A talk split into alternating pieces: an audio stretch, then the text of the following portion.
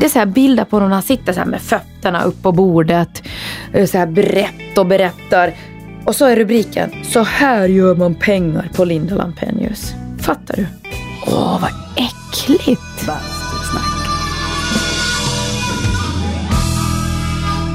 Hej och välkommen till avsnitt 40 av Bastusnack. Podden där jag, David Grandjytski, sätter mig i bastun med mina vänner och bekanta och ser vart snacket leder. Ja, det är ju faktiskt ett år sedan jag släppte det första avsnittet, mest på skoj, med min kompis Hanna Vangård. Jag får nog eh, fixa en ettårstårta och fira lite tror jag. Bastusnack presenteras i vanlig ordning av Tylö Bastu. Tylö Bastu är en självklar samarbetspartner när man har en podd som spelas in i bastun. Jag har ju själv ett energisnålt Tylösands Sport bastuaggregat som inte bara är snyggt utan även säkert för mig som har småbarn i och med att eh, ytan är flockad så man minimerar risken att någon bränner sig om man kommer åt det. Och så tar det bara 20 minuter för det att bli varmt vilket ju gör att man kan spontanbasta mycket lättare. Gå in på www.tylö.se så kan ni se hela deras sortiment av allt från bastuaggregat till bastumössor. Där kan ni även konstruera ert eget basturum. Tylös basturumserie Harmony kan du själv designa på nätet och sen så kommer allt sammans hem till dig i platta paket som lätt sätts ihop utan specialverktyg. Beställ ett redan idag. Ja, då kanske du kan höra nästa avsnitt av Bastusnack i bastun. www.tylö.se Sen har ju Bastusnack en Facebook-sida också där jag publicerar lite bonusmaterial och länkar och sånt då och då. Kolla in den! Ni som lyssnar direkt från bastusnack.se ska veta att man också kan lyssna via Apple Podcast, Spotify, Stitcher, Acast, ja, många andra plattformar där man kan hitta poddar. Prenumerera så får ni avsnitten direkt i mobilen när de publiceras.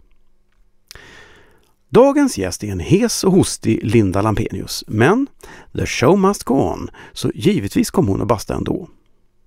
Och hon må vara hes, men i övrigt så hade hon samma höga tempo som vanligt.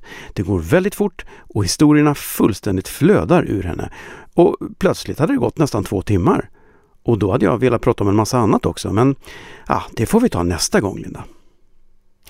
Vi börjar i full fart när hon överlämnar en julskiva till mig. Över till bastun.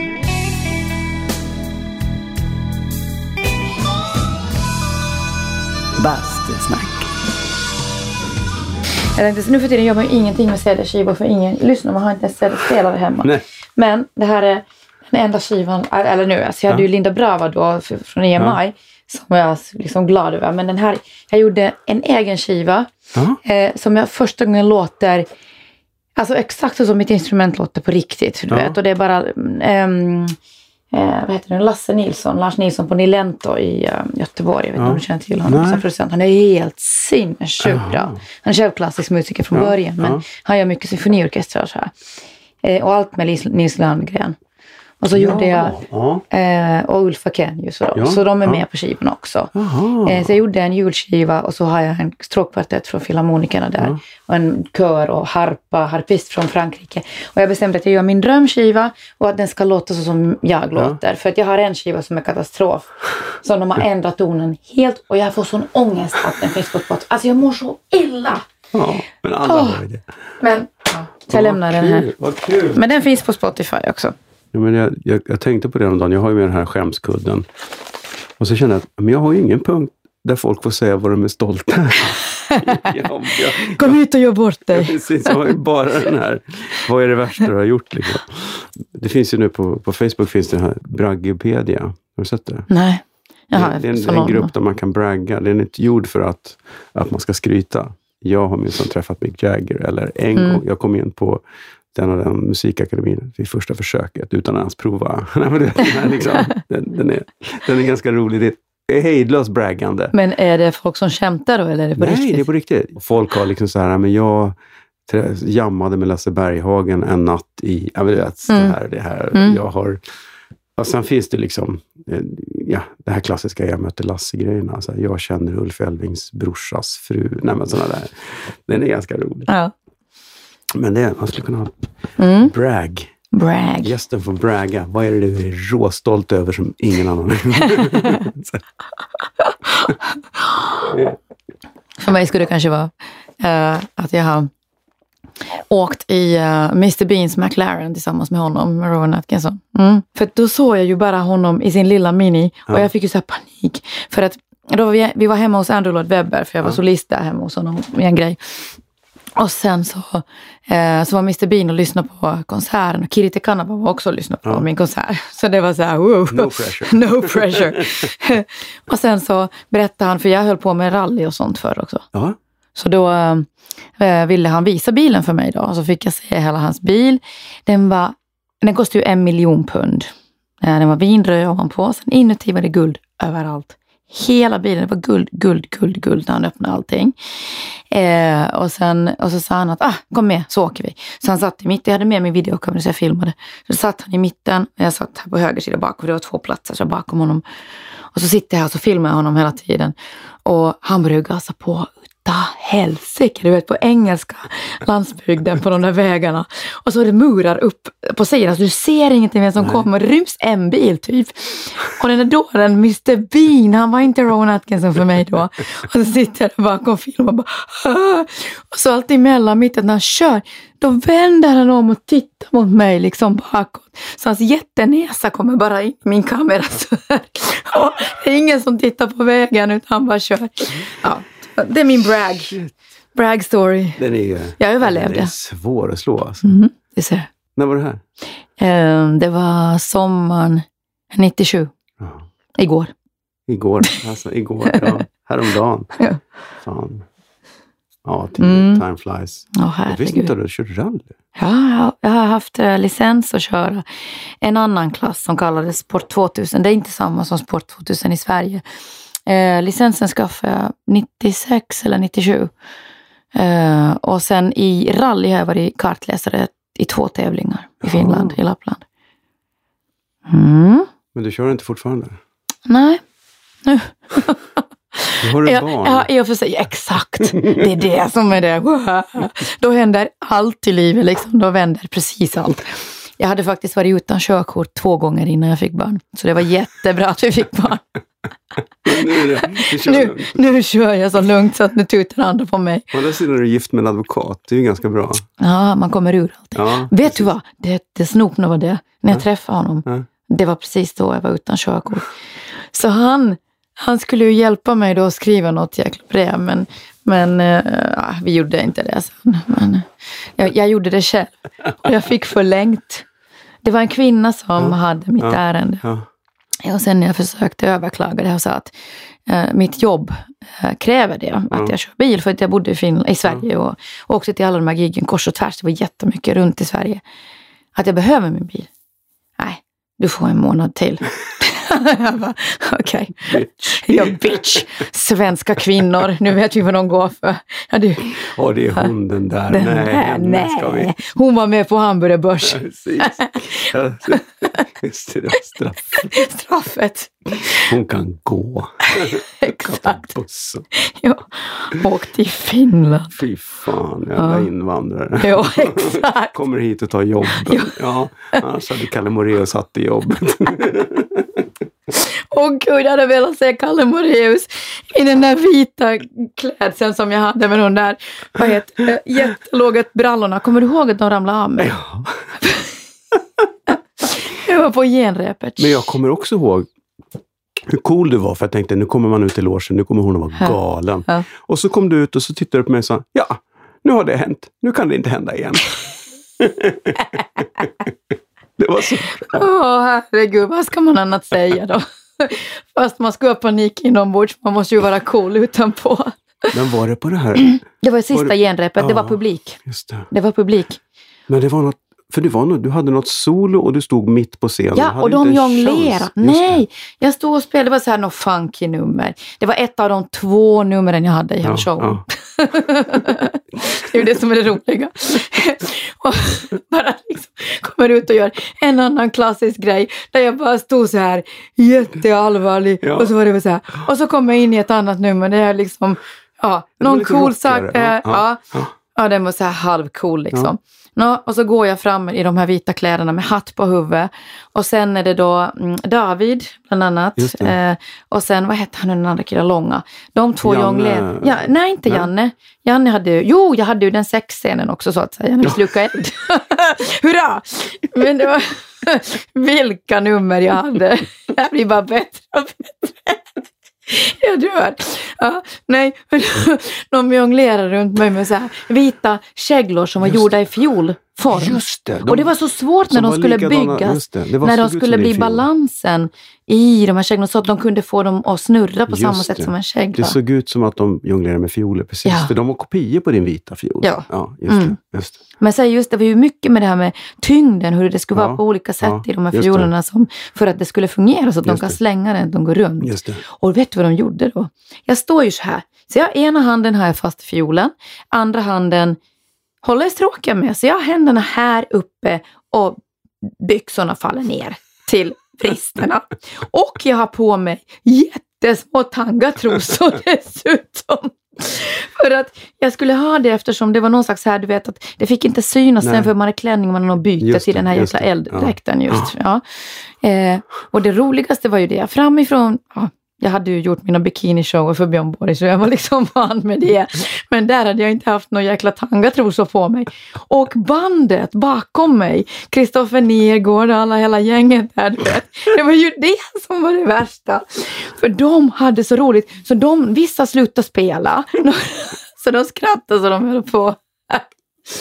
Nej. Men det roliga, Usch. du, du är så, märks ju hur teaterskadad du är. Ja, jag är Det skadad. fanns ju aldrig någonsin att du skulle sluta spela och dra upp Nej. byxorna. Nej, nej, nej, nej, Nej. för helvete. Nej. Sluta aldrig spela. De skjuter dig Ja, annars. precis. Det är det jag hade lärt mig i den här rysk-ungerska skolan. Ja, ja, det var Mm, så. ja. The show must go Ja. on. Mm. God damn it! ja, hårt. Ja, det var roligt. Du, jag har inte ens hälsat dig välkommen, Linda. ja, men just det. Ja, du ska Tack vara så välkommen mycket. till Tack. bastun. Vi bastar på finska Ja, idag. Men, ja, ja, idag är Aj, det så. Mm. Men ni slåss ni alltid i bastun? Ja, alltid. Herregud, man kan ju inte gå i bastun utan att slåss. Så det var jäkligt svårt för mig igår kväll. För igår kväll så var jag uppträdde i, eh, i Luleå Mm. och då hade de liksom uppgraderat mitt rum sen så att jag fick deras, den här sviten. De, ja. Så jag hade bastu i sviten, så då var jag tvungen efter uppträdandet, fast jag visste att jag skulle upp halv fem, eh, måste man ju basta. Såklart. Mm, såklart. Men det svåra var ju det här, vem skulle jag bråka med i bastun? så jag satt där och skällde på mig själv i bastun. room service då. Uff, jag kom inte på det. Och det har jag gjort. Nu, upp hit med någon piccolo som kan få, jag kan få slå lite. Han får inte slå mig, men jag får slå honom. nej, usch, nej, nej. Fan, ska du, jag ska åka på, på världsbastukongressen i juni. Som Va? är i Sverige i år. Den är i Haparanda. I Sverige? Mm. Det är, kommer delegater från 20 länder. Då måste du komma upp. I 20 länder? Ja, 20 länders delegater kommer till världsbastukongressen i Från Haparanda. Senegal? Aj, jag har Nej. ingen aning. Jag har ingen aning vilka 20 det är. det är väl, ja, Sverige, Norge, Finland har vi, men jag vet faktiskt inte vilka länder som bastu är stort i. Men, men eh, Vad sa du, när är det? det är i juni. Men gud Mm. vad roligt. komma upp? Kan vi göra en livepodd? Jag ska göra den där livepodden. Ja! ja. ja. Då kan jag spela lite Säckjärvi i bastun. Jag funderar lite We på deal. Woo! Och så tar vi en liten hutt på det. Lätt. Det. Jag Vissa det. häller ju till och med, de påstår ju att det skulle liksom, den ångan, att alkoholen skulle påverka en mer. Det tror jag ju inte på, jag tror att det bara Den kokar försvinner. väl bort direkt? Ja. Ja. jag tror det. Mm. Jag har aldrig provat. Det står så noga i Det är någon som har lurat dem på alkohol när de har försökt sälja sprit. Såklart. Köp en extra flaska, du får mer. Häller på stenarna. Men Blir det du för fan, Det är fullare? ju brandfarligt också. Det är inte så smart. Det struntar man i i Finland. Ja, ja. Farligt? Nej, inte. Det är bra om det är farligt. Men du har det. Är, om vi ska gå på grova generalisering och snudd på rasism. Mm, tack för är, det. Nu är, är är finlandssvenskarna lika stenhårda som finnarna? På att basta. Ja, överlag. För Vad menar du annars, Den här klassiska myten. För Jag Nej. känner så här, i Sverige så är ju finlandssvenskarna, det är ju ansiktet utåt är ju Mark Levengood. Ja. Han är ju inte så jävla hård. Med honom har jag basta faktiskt. Det är så? Fast bara på tv. Eh, nej, det gjorde vi. Han hade ett program i Finland faktiskt som han gjorde. Eh, och då var jag gäst där. Eh, det avslutade med att, att vi var tillsammans i bastun. Men ehm, nej, alltså finlandssvenskarna ses ju verkligen som alltså, så här veka mesar liksom av finnarna. Och, och sen kallas finla, finlandssvenskarna kallas också eh, finlandssvenska Petrefolk. Mm. För att det alltid varit så att finlandssvenska släkterna har de stora företagen som har ägts privat i Finland Mm. har ägts av de största delen av finlandssvenska familjer. Mhm. Och det har ju varit antingen då staten eller de här finlandssvenska familjerna som har liksom drivit Finland egentligen. Mm. Och um, finlandssvenskarna har kanske ge- genomgående liksom då förr varit mer förmögna. Och då har det blivit så att det har blivit på något sätt så här, äh, ni går med näsan i vädret. Mhm. Plus att man har tyckt att vi är svenskar. Så att när jag gick i skolan då på 70-talet och 70-80-talet så då var det så här, man sa liksom, om man börjar åka in mot centrum av Helsingfors, du får absolut inte prata svenska för då får du stryk. Mhm. Och det var mycket slagsmål. Eh, ettan till trean gick jag helt, det var bara svenskar i den skolan, eller alltså inte svenskar utan finlandssvenskar, förlåt. Svenskspråkiga. Eh, ja. Mm. Eh, och sen från alltså fyran till sexan, då gick jag i en sån skola var vi var att eh, kanske 60 procent var finskspråkiga och 40 procent var svenskspråkiga. Och där var det jättemycket slagsmål. Mm. Det var verkligen, man var Mhm. rädd för att prata svenska på kvällen. Och jag måste säga liksom att jag har ju faktiskt fått uppleva det på det sättet att det var direkt obehagligt, alltså det här med alltså rasism. Mm. Eh, och, och det gick så långt i Finland, det var liksom inte ens... Du vet, det var bara det här att, alltså vi såg ju alla lika ut, men det var bara att man, nej, du är annorlunda. Mm. Du pratar ett annat språk, du ska fan inte vara i vårt land liksom. Och då fick jag höra, åk hem till Sverige. Mm. Och jag är ju född i Finland. Alltså jag har mina släktingar, alltså allt vad jag vet bakåt, alla har fötts i Finland, alla har Mm. bott i Finland. Och att de här, det är så många så korkade i Finland, de här ny, eh, vad heter de, sannfinländarna, Mm. att de inte, de förnekar det här på Mm. samma sätt som man förnekar det här med mm, judarna nu. Mm. Men man förnekar det att Finland har varit en del av storrike Sverige i nästan 800 år. Eh, 1807, så sent, tog tsaren Finland Mm. av Sverige. Och eh, 1917 blev Finland självständigt. Och min pappa föddes 21, eh, han dog i fjol. Eh, han, eh, han berättade att på 40-talet så var det fortfarande så att man hörde mer svenska i Helsingfors än finska på många ställen. Mm. Det har gått så snabbt liksom, att vi har blivit utrotade. När jag föddes var vi kanske 600-700 000. Nu tror jag vi är 300 någonting. Det är så? Ja. Men vad har de, har de flyttat till Sverige då? Eller har de... Nå, det är ju mycket det. Jag har en halvsyster, en Mm. halvsyster och en halvbror. Eh, min eh, halvsyster eh, min halvsyster gifte sig med en, med en finne. Och han var mot allt det här med finlandssvenskhet. Så han beslöt att de inte, min syster inte fick prata svenska med barnen. Vilket för mig är helt ofattbart. Så de fick lära sig svenska först i skolan när det blev obligatoriskt. Så förstår du, då räknas de ju också liksom som hel Ja, finnar nu. Eh, och min halvbror, han gifte sig också med en helt finsk eh, kvinna. Men de satt istället sin dotter i svenskspråkig skola. Alltså hon är fullständigt tvåspråkig, så som Mm. jag var också när jag växte upp. Men det är många sen som gör så här. Och, ja. Alltså vi är ju så fruktansvärt inavel, finlandssvenskarna. Så det är ju liksom, du vet, många av oss har sex år och sånt som man brukar säga. så vi, vi har varit tvungna liksom att börja gifta oss med finnarna för att vi ska också överleva. Liksom. mm. Nej, det är, men det är lite tragiskt ändå att, att man, att det är en rädsla för någonting liksom, tror jag. Mm. Finnarna har ju det här också, de är jätterädda, även om de alla har studerat svenska och engelska i skolan, Mm. Så är de fruktansvärt rädda för att prata svenska och engelska. Fast de kan det så väl. Alltså finska skolan är ju på topp. De brukar vara på, i PISA brukar de vara Mm. från plats tre till fyra, fem liksom. Eh, Sverige, vad kommer vi på plats? Eller vi Ja, här. Ja. 17, Ah. 18. Men kan det vara att de är, jag upplever att de, de är väldigt eh, att det kanske är att jantelagen är väldigt hårda så att man vill inte, man vill inte göra bort sig. Man är jätterädd att man, man låter liksom, man ska bryta och så skäms man och så vågar man inte prata. Det är exakt vad det är. Ja. Mm, Det är exakt vad det är. Och Martin, min man, han, han trodde ju liksom att jantelagen var hemsk här Mm. i Sverige. Mm. Så träffade han mig. Mm. och så började vi åka över och sen nu till exempel när jag håller på och skriver eh, eh, biografi. Eh, och då har han fått se, jag har över, över tusen, kanske 1200 artiklar hemma nu. Mm. eh, från Finland eh, på mig från alla åren. Och sen började jag undra, så här, ja, men vad är det som står? Alltså, du vet, han var bah! Hur är det möjligt? Mm. Det är, det är helt fruktansvärt. Man, man, man är så rädd för allt som man skulle kunna säga bra om någon annan, då är det bort från en själv. Mm. Just det. Men då har det betyder att även om det går bra för dig i Sverige och i USA och, och runt om så är det, är det fortfarande så att det är svårt att bli eh, erkänd hemma? Ja, Eller? alltså det börjar, vara, det börjar bli lättare nu. Eh, och nu för något år sedan här så var jag tillbaka och då var jag domare i X-Factor och sånt här Mm. liksom, som jag har gjort.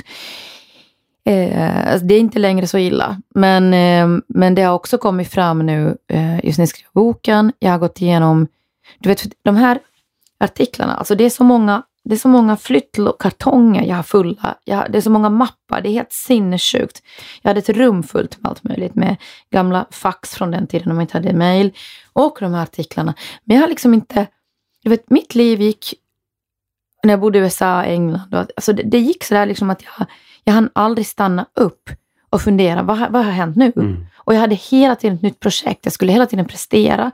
Eh, när en sak var färdig på scen, då höll jag på liksom att repetera på nästa grej. Så att när de här grejerna har sparats, de har skickats åt mig i mappar och annat, jag har inte läst dem. Nej. Men nu har jag plockat upp dem och så har jag läst och det värsta av allt är, jag har haft en person i Finland som har varit en sån som har kommit mig nära in på livet. Han jobbar på Svenska Teatern med marknadsföring. Mina föräldrar var skådespelare där hela livet. Och han kom in i mitt liv också så att vi hade så här kaotiskt, för att jag var i tidningarna varje vecka, var jag på någon löpsedlar. Och min mamma och pappa höll på att bli tokiga. Det här var innan jag flyttade till USA. Det höll på i ett, ett år innan, eller ett och ett halvt år. Och det, alltså det, var, det var så sjukt. Det, var- det, Finland var så litet och det var så få människor som var kända. Liksom, och jag var på tv. Jag, var, jag gjorde jättemycket klassiska konserter då, solist med symfoniorkester. Jag var konsertmästare för Sibeliusakademins symfoniorkester och det, också de konserterna som vi gjorde på tv så var jag alltid konsertmästare och solist. Eh, men mm, då behövde vi hjälp för att mamma och pappa fick ta emot alla de här samtalen. Och han fick börja hjälpa och ta emot de här sakerna. Sen flyttade jag väldigt snabbt efter det till USA. Och sen kom han, han, eller det var ett bryggeri som kom på en idé när jag hade flyttat till USA. Vi började göra en Linda cider, en alkoholdryck alltså. Eh, och då hade jag flyttat bort den. Eh, och då kände jag heller ingen annan som skulle kunna sköta marknadsföring. Så han fick börja göra allt ut gentemot media i Finland. Men då var han den absolut enda personen som fick all information konstant av min mamma. Min mamma är liksom, om jag har varit blåögd, jag har ju blivit blåstamanager och hit och dit. Men alltså hon är ju tusenfalt mer och tror alla bara gott. Liksom. Och hon har ju pladdrat på och berättat. Och mina föräldrar var de enda som fick information konstant av mig. De enda. Eh, för att jag var i kontakt med mamma per fax och från mitt managements kontor. Jag hade ingen hemtelefon, man hade inte mobiltelefoner i USA, man hade pager. Och nu ser jag, jag ser på alla datum, jag läser alla de här grejerna. Hur blev det så i Finland att det bara kom ut en massa grejer? Det kom ut grejer för tidigt om min karriär. Du Mm. vet, sånt som inte ännu skulle berättas. Det kom ut saker om min hälsa. Det kom ut saker om mina pojkvänner. Och nu ser jag så tydligt. Och så ser jag alla fax, allt hur jag varit i kontakt med mamma.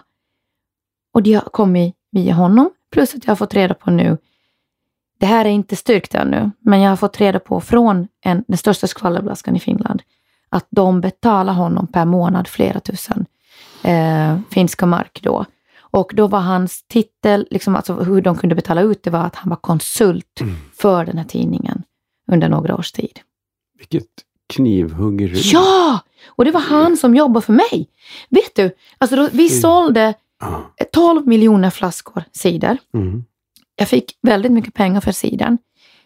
Han fick 20 procent av alla de pengarna för att han skötte det här liksom, PR. Och då utnyttjade han det. Plus att han fick de här pengarna, från, om han nu har fått det från tidningen. Då. Det här ska jag checka liksom, med tidningen och fråga om jag kan få se deras bokföring. För den personen som berättade för mig, han har jobbat 20 år i den tidningen och var på hög position Har du tagit upp det med honom? Nej. Jag har inte tagit upp det med den här personen som, eh, som, som har huggit mig i ryggen. Men han, jag har det bevisligen nu i intervjuer.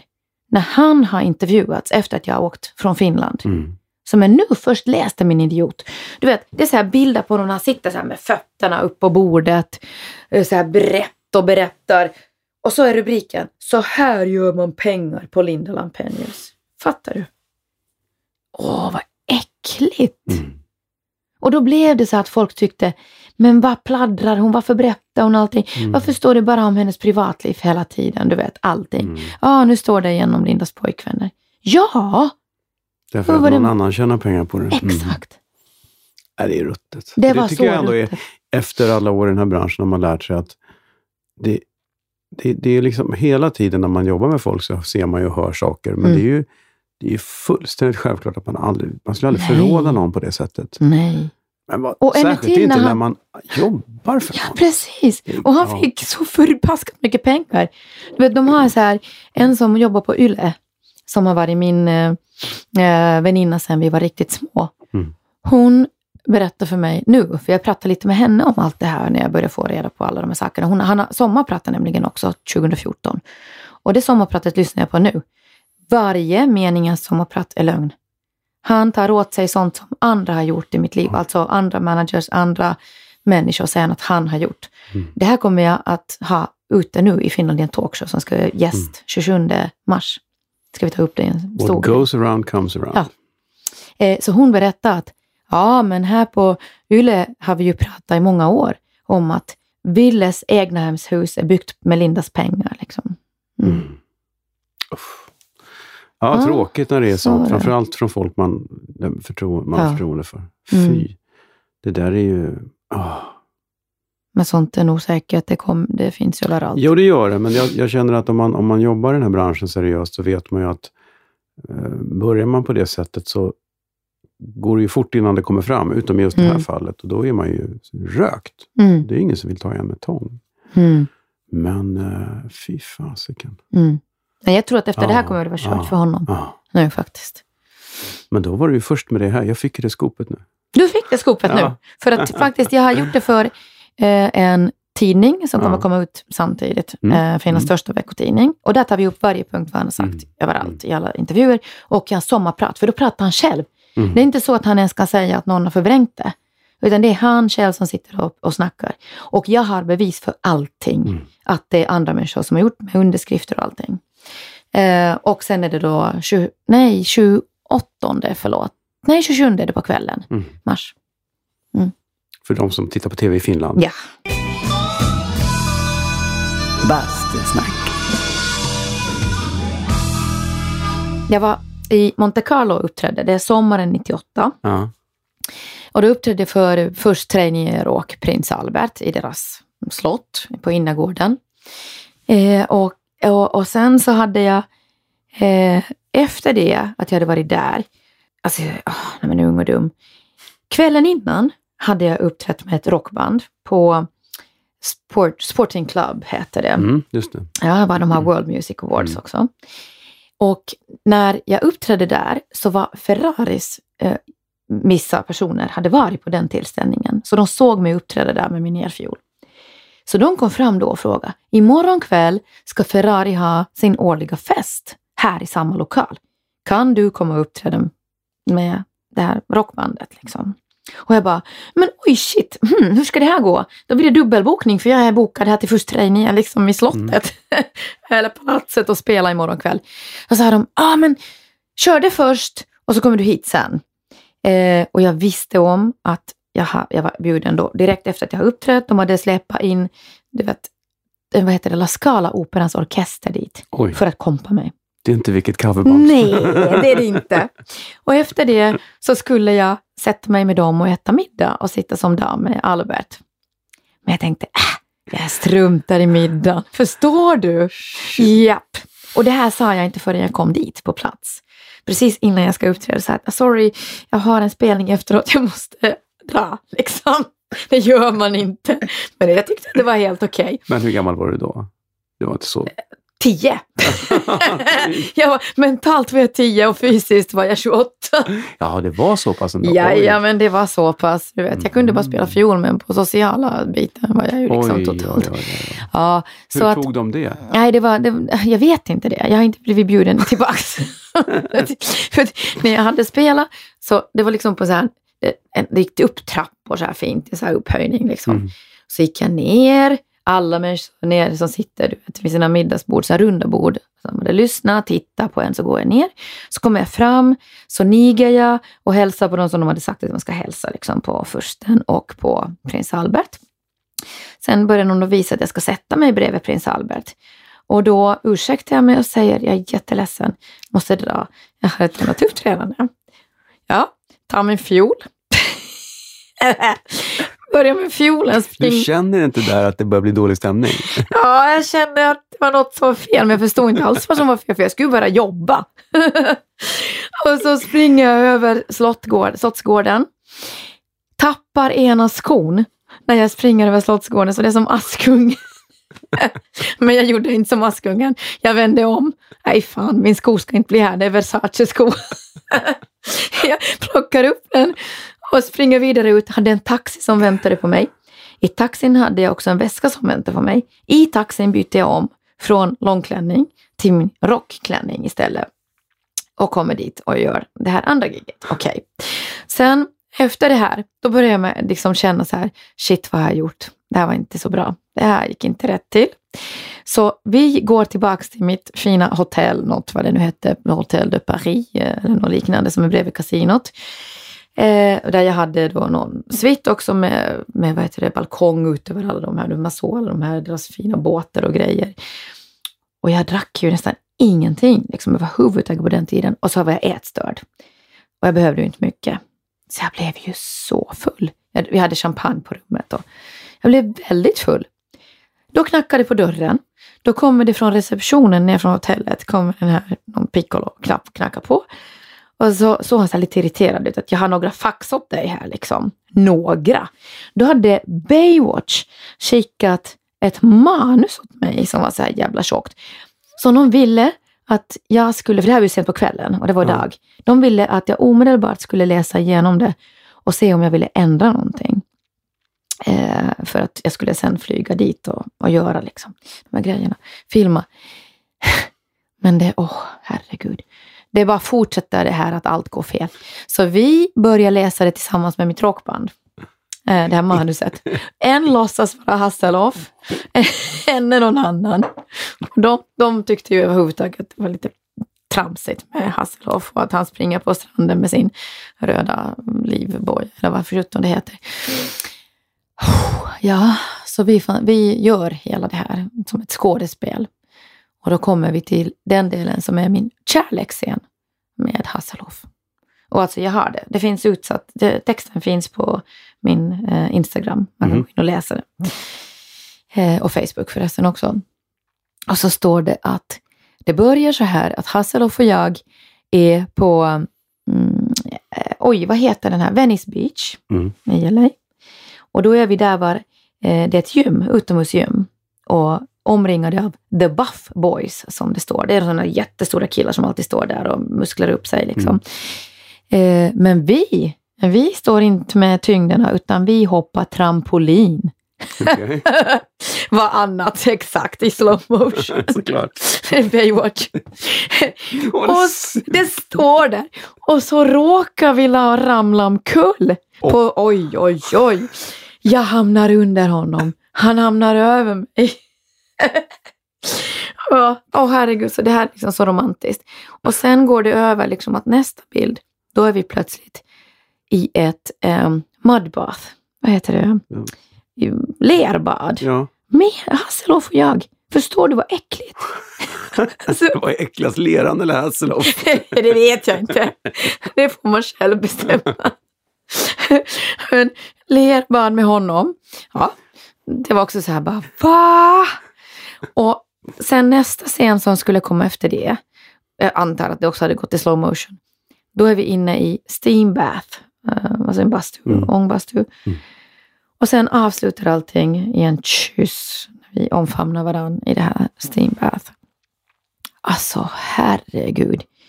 Jag bara, aldrig i livet. Aldrig i livet. Men, och jag tänkte så här, det här är så corny så att, du vet, då är min karriär på allt sätt över. Jag kan inte göra någonting mer. Liksom. Eh, Alltså klassisk musik, det kan vi ju glömma, men jag kan ju inte spela pop efter det här om Nej, jag du gör får det här. gifta, göra som alla andra, gifta dig med en hårdrocktrummis. Exakt. Det verkar funka. det verkar funka. Ja. Jajamän. Nej, så då ringer jag till ehm, kontoret, Baywatch, och så säger jag, jag är jätteledsen. Det finns två scener. Det var en scen till som också var hemskt corny. Det var att jag låg på en klippa och så skulle jag matas med vindruvor med fiolen i famnen. Men, ja. Alltså, Det är som att de verkligen de försöker parodiera sig själva. Det Jo, går, inte, de göra- skulle det går ju suga inte att göra. musten ur allt liksom. ja, vilket fall som helst. Men så säger jag om den här scenen och så säger jag att, och dessutom, Hasselhoff, eh, he's far too old for me. Förstår du att säga det till dem? Mm. Det är hans show, han ägde showen, Mm. vilket jag inte insåg eller förstod. Jag säger åt dem att han är alldeles för gammal för mig. För jag upplevde mig själv som just en 20-åring, fast jag, eller ett 15-åring. Liksom. Jag- Då tycker man ju att alla är så här jättegamla. Eh, när man är ung. Man är ju så korkad fortfarande när man är 28. De Ja, flesta vad tycker jag. Eller hur? Ja, nej, jag vet inte. Men i alla fall, Nej. det där borde jag inte ha sagt. Eh, men men jag, jag slapp den scenen. Så det var ju det, Ja, det goda det. i det hela. Det Ja. var liksom, du hintade ju lite lätt där. Att Lite, men du lite fick åt- fortfarande vara med. Exakt. Du, åkte inte ut ändå. Det var, ju- och vet du, till och med så att nu när Hasselhoff, han ska ju tjäna pengar fortfarande på Ja, något ja. sätt. Så då åker han runt från land till land. Eh, I Tyskland är han fortfarande Ja. jättekärna. Men han har gjort både i Sverige och i Finland. Ja, han hade sin talkshow. här. Jajamän. Just det. Och efter att han var här så har han haft den i Finland Ja. också. Han har bjudit in mig som gäst både i Sverige och i Finland. Och att vi har pratat om Baywatch och inspelningen och allting. Vi pratar inte om det där. Bastusnack. Ja, men hur fick du Baywatch? Hur kommer det sig? Det är ju inte bara något som händer. Nej, det var jättekonstigt. Det var, mm, det var så mycket som hände när jag kom dit. Först var jag med i en serie som hette Fame LA. Då gjorde man liksom en ny version på Fame. Mm. Eh, och så började det väl snackas om mig sådär i, ehm, i eh, uh, tv-branschen där. Och, och sen så höll de på och skulle fixa någon ny för tionde säsongen istället för Pamela Anderson. För hon, gjorde, hon slutade efter nio säsonger. Uh, och då var det provfilmningar för det. Och sen så, så var jag på det och jag ville faktiskt inte det. För att jag visste att jag aldrig i livet kunde, kommer att kunna tacka ja. Det krävde fruktansvärt mycket arbete. Folk tror så att, att Baywatch har varit någon slags grej som det stod massa grejer som har stått intervju, liksom, intervjuer till och med med Pam, fast hon är, hon är en intelligent businesskvinna faktiskt, på riktigt. Men de har gett sådana intervjuer som att ah, men det var sex överallt i backstage och du vet allt möjligt sådant. Det var ju mer bara för att promota hela grejen. Liksom. Image. Ja. Ehm, för min mamma var med också under inspelningarna. Alltså det var så strikt. Det var så jobbigt. Man skulle, 5.30 skulle man vara där varje morgon. Eh, fem dagar i veckan då. Eh, och, och det fanns ingen sluttid på kvällen. Det var inte så här som att, vet, att ah, vi kör till vi är klara. Ja. Mm. det var verkligen hårt, hårt arbete. Folk fick ju bra, bra betalt. Men det var också, man körde stenhårt. Det fanns ingenting annat liksom i livet. Eh, så vi brukar sluta, ja det kunde variera mellan nio och till halv tolv på kvällen. Eh, jättetufft var Så man det. har inget liv alls under de perioderna. Nej, Hur lång är en sån period? Är det några veckor eller? Nej. Alltså om, om jag då hade gjort så, så, så jag fick ju liksom jag- jag vet inte riktigt hur det gick, för de höll på att förhandla med min manager. Om jag nu förstod det rätt så fick jag liksom en del, för jag påminde väldigt mycket om henne då, liksom till utseende och det var lätt att sminka henne till mig. Och jag hade till och med hennes sminkös. Så att när jag gjorde Playboy-omslaget så hade jag samma eh, sminkös som gör allt med Mm, Pam mm, fortfarande. mm. Liksom.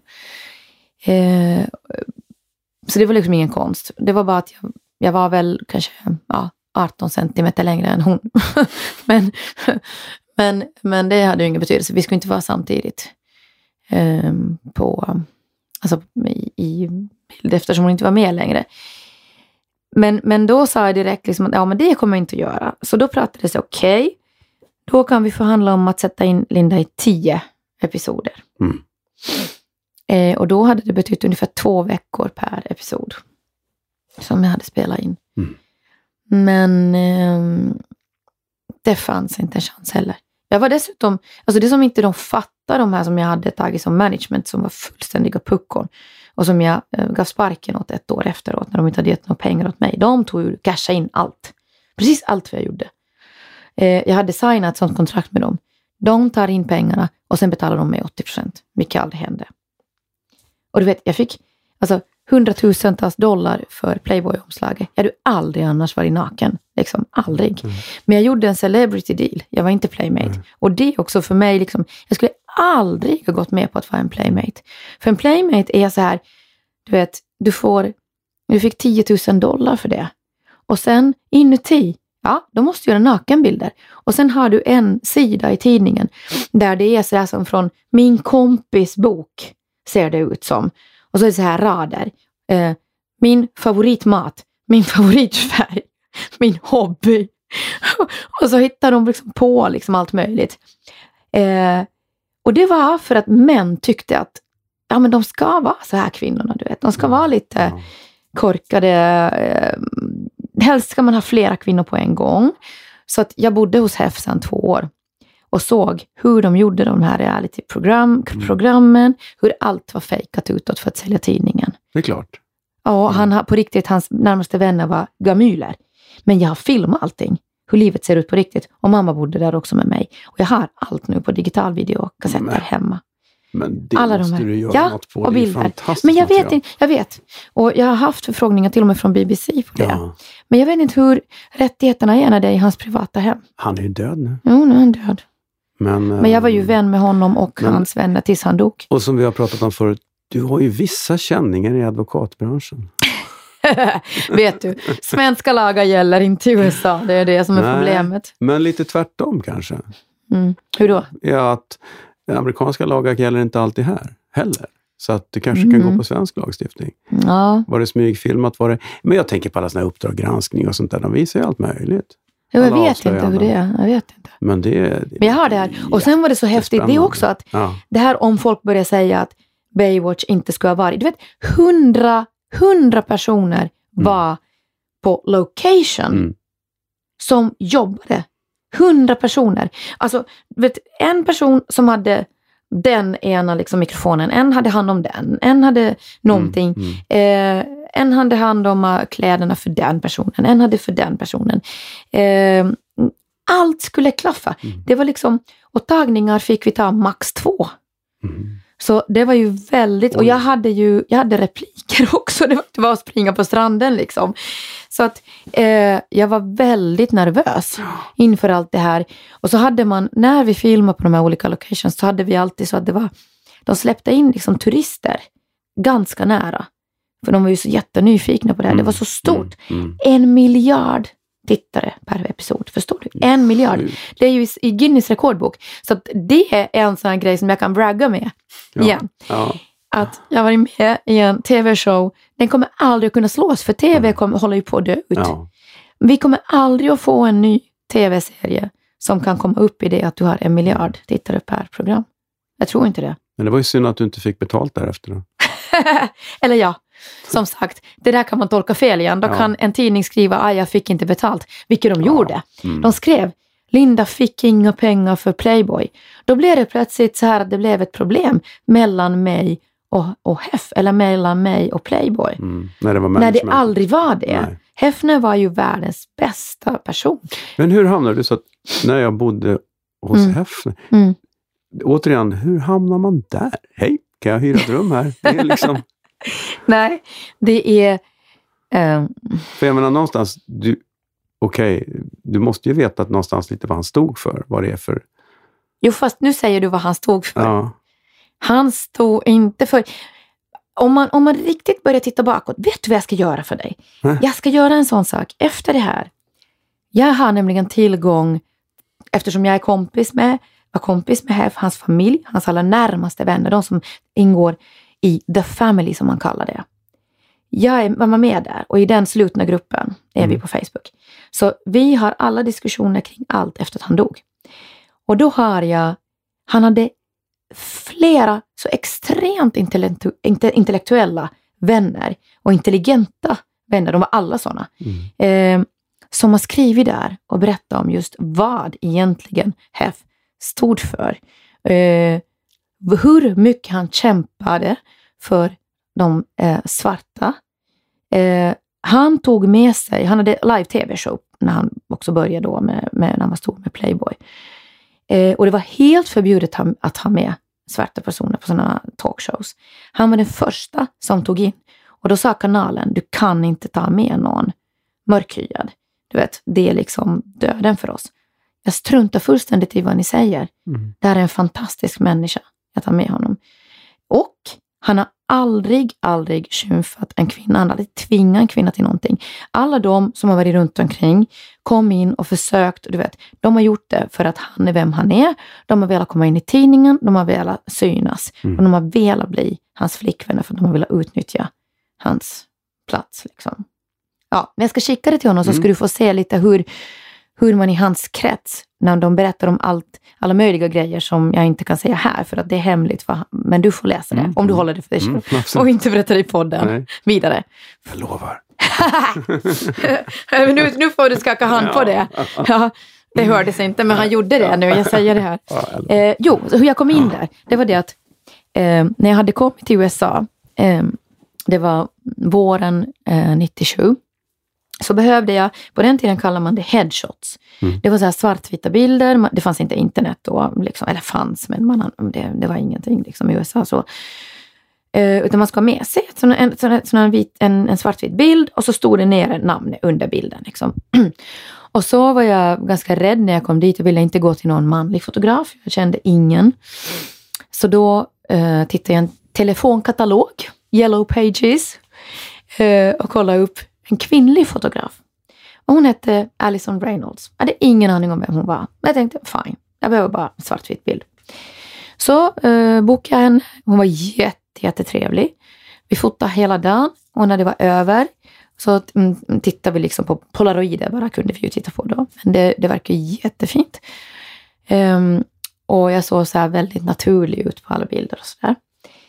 Eh, och sen så sa hon innan vi skildes, så sa hon så här, förlåt nu, jag är jätteledsen att jag frågar, men eh, jag skulle vilja faktiskt presentera dig för en person. Och jag vet inte om du, om du vet vem det är, men han heter Hugh Hefner. Och du vet, det gick liksom inte ihop i min hjärna. Alison Reynolds, kolla upp henne sen Mm, på, um, på Facebook. Hon är med i den här lilla gruppen också då. Mhm. Hon, hon var en av absolut, alltså hon och hennes man har varit mm, Hefs närmaste vänner i hur länge som helst. Liksom. Och eh, alltså det var så svårt för mig att fatta. Den här liksom köra, fina kvinnan som står framför mig som var så äkta. Allt annat från någon så här fake Mm. USA liksom. Hon, hon, hon såg ut som någon svensk kvinna. Liksom. Mm. Ja. Men så började hon förklara bara så här, ja det är ju då Playboys grundare. Liksom. Ja. Att eh, han älskar musik. Det är hans passion.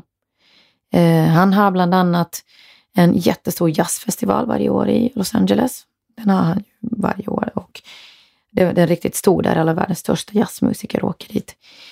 Eh, och eh, han skulle nog bli väldigt fascinerad av din story. För vi hade pratat om min uppväxt och hur jag hade börjat spela fiol och uppträdde när jag var tre år. Turnerade runt världen när jag var åtta. För jag var på Mm. min första turné i- USA när jag var åtta. Så hon ville berätta allt det här då. Mm. Och sen sa hon, nej men, för jag, hon märkte att jag blev väldigt kärrad. Och så sa hon, nej men du behöver inte vara rädd. Har du, har du någonsin sett en Playboy? Jag sa, nej. Men det är någon jäkla porrtidning. Hon bara, va? Nej, nej, nej, nej, nej. Nu tror du att det är frågan om någon haster eller någonting sånt. Det här är liksom städat. Det har aldrig varit någon som har spread legs liksom i, i Playboy någonsin. Liksom. Eh, utan det är liksom så här städat och så. Eh, och ah, jag vill bara prata om dig med honom. Så sa jag, fine. Så, och sen snart efter det så kontaktade hon mig igen. Och då sa hon att de skulle vilja ha ett möte med mig. Han och hans, eh, en kvinna som hette Marilyn, gammal, som var en gammal tant då. Det var hon egentligen som bestämde alla dem, bland annat om man ville bli playmate. Det var, en, det var liksom en tant som satt med ett jätteskrivbord när jag kommer in på kontoret, när jag sen kom dit. Hon hade ett ja, stort kvadratiskt bord och där var liksom från hela världen inskickat från olika tjejer som ville bli playmates. Mm. Men hon, hon, liksom, hon sa till mig så här, ja, du ska gå vidare till nästa rum, du ska träffa Hef. Men hon, hon ville bara hälsa på mig först. Och jag var så nervös. Alltså jag var så fruktansvärt nervös. Och jag tänkte fortfarande så här, men tänk om det är något sånt här att det är jättesnuskigt och att jag blir lurad i någon fälla. Och nu har jag ju redan liksom sökt mig till en kvinnlig fotograf för att det inte ska bli så. Mm. Precis, du gick ja. till och hamnade direkt till, till liksom det värsta av allting. ja, du skulle bara ta ett headshot för att söka jobb. Ja. Åh, oh, shit. Ja, mm. jo. Nej, men... Från så, passfoto till Playboy. Liksom. Ja, och så öppnade jag, herregud. Så öppnade sig dörren. Och så kom jag in och så stod han där vid sitt, eh, bakom sitt skrivbord. Och så kom jag ihåg, man gick ner liksom för två sådana låga trappsteg. Man kom in så här. Och jag bara, oh. Och hjärtat slog som sjutton liksom. Och så började han gå mot mig. Och sen, sen eh, vad heter det, ger han sådana kindpussar, hälsar så här, på mig. Och sen säger han, vet du, det här är helt otroligt. Du har exakt samma aura runt dig som Marilyn Monroe hade när hon kom in första gången jag träffade henne. Och jag bara, okej. Okay. det är en bra var, öppningsreplik. Jajamän. Ja, you had me at Marilyn Monroe. you had me at Marilyn. uh, ja, och så, och så började han prata. Men han, började, han bad mig sätta ner och så började han fråga mig direkt om musiken. Han började fråga mig, liksom, jag hörde att du mm. har spelat sedan liten, berätta mer, berätta om dina föräldrar, berätta om hur kom du in på musiken och allting. Och så satt jag och pratade musik jättelänge. Och så frågade han mig att vad skulle jag säga om jag gjorde en, ett, en så kallad celebrity deal med dem? Och då berättade han, då visade han upp liksom vad de har haft och då var det, eh, alltså det var Kim Basinger, Bo Derek. Eh, sen efter det så har eh, Cindy Crawford gjort det, eh, Naomi Campbell, ehm, eh, vad heter hon, Sharon Stone. Alltså det, det var bara skådespelerskor och toppmodeller, mm. så det var inte en playmate deal. Nej. Utan då hade man helt andra summor, plus att de berättar ens hela historia. Eh, yrkesmässigt så, liksom vad man har gjort. Som ett CV. Mm.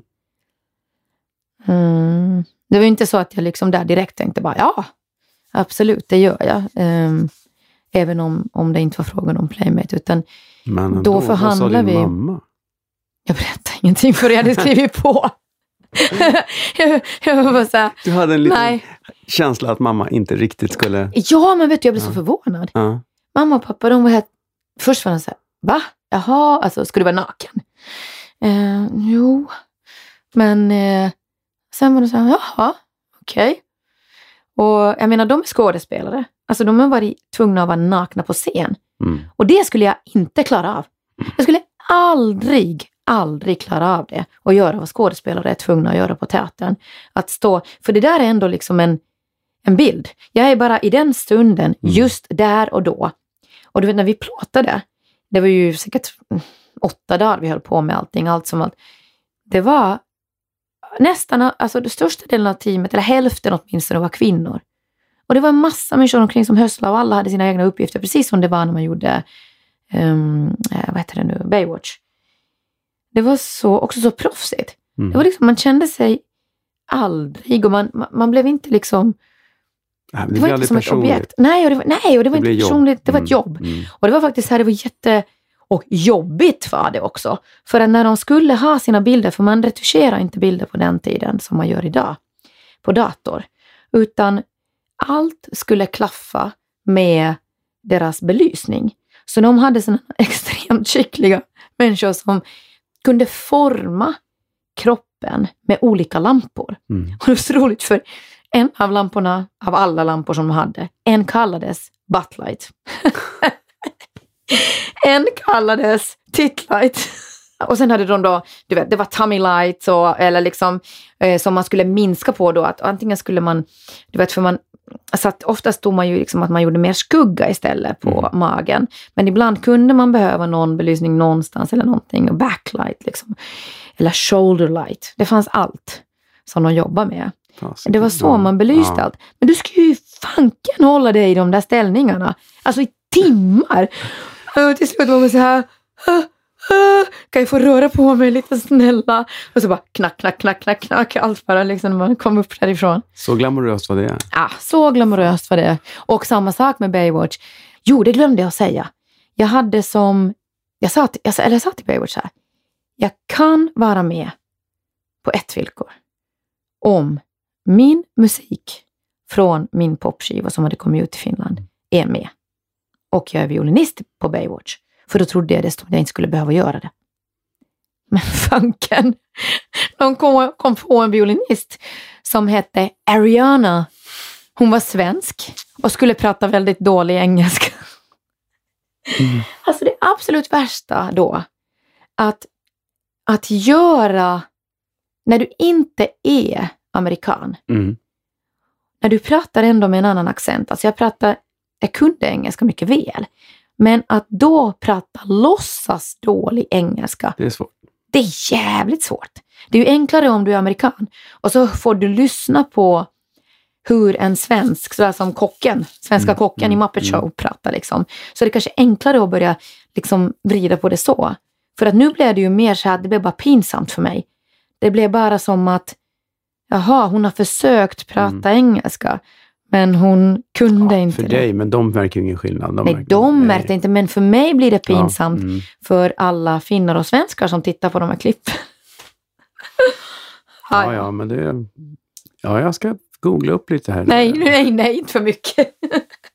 Men det här med Linda Brava, är det, Mm. var det ett artistnamn för att, som passar bättre för den amerikanska marknaden? Eller vad var det som var... Ja, de hade ju för, för sig på den tiden.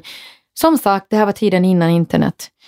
Eh, innan hemsidor och annat och innan allt Google. Eh, man ljög om sin ålder. Ofta sa de att jag var 23, nej men förlåt 24 istället för 27. Eh, det hade nog inte behövts göra för jag, ut, jag ser ut som en barnrumpa. Liksom, så att jag såg ju ut som jag var 17 ändå. Men, men det hörde till att man drar bort några år. Mhm. Och man ska inte ha sitt egna namn. Det var de flesta skådespelare och musikartister använde andra namn då. Mm. Eh, och sen Lampenius, det var ju inte liksom världens enklaste namn heller. Så att det kunde bli så här Lambs penis. Funkar ju. Playboy. vet, i Playboy, ja. Linda. G- Violin goddess. Åh herregud. ja, ja. Nej, så då, så då var det min igen, korkade eh, manager där som kom på det här fantastiska Linda Brava. Jag ville inte alls ha Nej. namnet. Jag tycker det är så fruktansvärt hemskt. Men han tyckte då, han frågade runt liksom, och då tyckte amerikanerna att det var väldigt bra. För det var två olika saker de kom att tänka på och då blir det exotiskt. Och de två grejerna, vad tror du, vad, vad skulle du kunna tänka att en amerikan tänker om du hör Linda Brava? Bra, bh, bra. Vad snuskig du är! Inte ens de kom på vänta det. nu. Inte ens de kom på det. Det där hade jag aldrig Vad hört förr. snuskig, det är du som är med i Baywatch och Playboy. Nej, det var du nu som tänkte bra. Bra va? Ja. Nej, jag vet inte. Vad tänker de på? Bra va? Ja, för ja, det, är första. Bra, va? ja. Mm. Ja, det är De svenska, var- svenska ja, versionen. precis. För det första så lät det italienskt. Ja, just det. Det gör det. Mm. Ja. Och det är ju coolt för Mm, dem. Liksom. mm, Det är det mm, liksom från Europa. Mm. Och det blev sen så att när jag gjorde, jag gjorde för Rajon och till exempel jättestora shower på tv. Då blev ju rubrikerna i tidningarna, så det funkar. Det blev Bravo, Brava. Just det. Och så, ja, så det hade Mm. de ju räknat ut att det skulle funka. Så det ena var italienskt. Men om jag nu säger att det är någon annan, annan något annat land som, som är helt annorlunda än Italien, som, det, som man kan på något sätt he, liksom, Mm. komma fram till. Nu är vi på spår Nej, jag, här. Ja, det är, är det, men jag tänker så jag vet inte varför jag mm, tänker Ungern eller något. Men det Jo, kanske- vi är åt rätt håll nu. Ja, Ja, nu, nu börjar tåget åka åt rätt håll. Brava, uh, Bratislava. Nej, men bra. Nej, jag, nej, jag kommer inte på. Det är från liksom Pravda. Pravd, aha. Ja, så vi är liksom där. Okej. Och då är det just Öst. det här öst, liksom öst åt det Mm, hållet. Och då mm. tänker de på Ryssland och de tänker Östeuropa. Mm. Eh, och Pravda liksom, ja. Så, så, så, så det var liksom både sånt som man kunde Ja. tro att jaha, det är farligt. KGB-agent. Ja, just det. Då är det ju kul för det är spännande. Mm. Eller så kunde man då tycka att det var eh, just från Europa. Liksom. För Men var allt... det planen eller var det hans efterkonstruktion? Men var det Nej, han sa det faktiskt innan, liksom innan vi Ja, bestämde ja. namnet, att han hade kommit på det här. Så att det ska vara Någonting hade han kanske mellan öronen, men jag tyckte ändå inte om namnet. Jag tyckte det var väldigt cheesy. Bastusnack. Jag satt på min chef Allan Evans kontor och eh, skissade shower eh, någon gång i början på seklet. Och då pratade vi om en countryshow som vi skulle göra i Göteborg, som skulle heta Cross Country. Och så tänkte vi, fasiken, vi måste få in något fräckt här. Vi måste ha fioler och grejer. Och Så tänkte vi, vilka, vem ska vi ringa nu? Och då satt vi, fan Linda Lampenius? Ja men, skitball. Ball Brutta spelar fiol. Ja, men hur får man tag på henne? Ingen aning, vi googlar. Så hittar vi din hemsida och sen gör vi det klassiska. Men vilken en hemsida var det? Ja, det vet jag inte. Men vi, Vet du vi hittade vad? en kontaktadress och så Ja. mejlade vi så. Hallå, we are from Sweden. We Ja. have a, a show club here. Ja. Do you want to come and, and play? Mm. Och du svarade. För Allan kom till mig och sa, hon har svarat. Och vet du, det som var så tokigt var, det var inte min hemsida. Nej. Det var inte min. Ja, det var inte min riktiga. Det var en kvinna som jag har varit, som hade den, som Ja. faktiskt är svensk. Eh, som jag nu, nu är vän Ja. med och har varit i några år. Hon, hon, vi har kontakt nu liksom på Facebook Ja. hela tiden och så här och hon likar allt vad jag lägger ut och så här. Hon var ett extremt fan av mig. Och hon var bland de, för det var de, bland de första hemsidorna som liksom fanns. Mm. Eh, hon hade en hemsida som hette lindabrava.org. ja, det kan det den. ha varit. Ja. ja. Ja, för det var den enda som kom Mm. upp Mm. då. Eh, och jag var fly förbannad på att den här hemsidan fanns. Så att år 99 har jag faktiskt haft min engelska, för då flyttade jag till England. Till, för när jag gjorde skiva för EMA i England så tvingade de mig också att flytta dit. Eh, eller tvinga och tvinga, men jag hade det ju bra där. ja. eh, min, min engelska jurist liksom tog tag i det här och, och skulle se till att det skulle stängas ner. Mm. För jag visste att jag kan öppna en egen sida sen. Liksom. Och, jag, och det var okontrollerbart, liksom, för att det kom upp så mycket information. Vet du vem som mer fanns som kontaktperson där och som hela tiden hade kontakt med den här Chris? Nej. Vad tror Vad pratade vi om i början av din programmet? kompis i Helsingfors. Ja, Ville Wilenius. Aha. Så att det fick jag ju sen reda på. Men den här kvinnan, hon, ehm, hon skickade fax åt mig Mm. eh, hela tiden. För att hon försökte säga, hon bad mig, kan jag få kan jag få tillstånd av dig att ha det här som en officiell hemsida för dig? För att jag är ett stort fan och jag vill inget illa. Men jag var envis och jag tyckte så att ingen annan ska göra det här. Och plus att det kom upp information om mig och min karriär tidigare som var väldigt konstigt. Jag vet nu att hon inte har ve- velat något illa. Mm. Men hon hade kontakt med Ville eftersom hon visste att den här Ville Vilenius var den som gjorde min PR eh, i Finland för min Mm. sidor Mm. under tiden. Så att han liksom köpte ju mitt sånt ut, gentemot media. Eh, men det var inte via Ville som jag fick ert, utan det var så eh, att jag, jag skickade sen mail till er. För, jag hade, för jag sk- skriver om det också i min bok, att jag får mail från er. Men det Mm. kom ju inte till mig direkt. Nej. Eh, Men det, men det gick sådana vägar att hon skickade fax angående Jaha. det här. För hon skickade hela tiden vidare grejer, men hon skickade dem till min mamma. Ja, det var Men det var ju jättekomplicerat. fantastiskt, för vi fick ju till slut, ganska snart fick vi ett svar. Och Jo. Allan sa, det här är inte sant. Hon kommer hit! Ja. Vad säger Men du? vet du, jag trodde att det var ett skämt. Ah, Så det, det, det har jag skrivit nu som text. Att jag sitter där liksom och bara, från Sverige! Liksom, jag har precis bott i USA, jag har bott i England. Okej, nu är jag tillbaka liksom i Finland. Eh, och så från Sverige, från liksom av alla ställen. Hur är det möjligt? För jag hade inte alls liksom tänkt att jag skulle göra någonting. Men kan jag få fråga dig nu? varför blev det då inte country show? Jo, förstår du.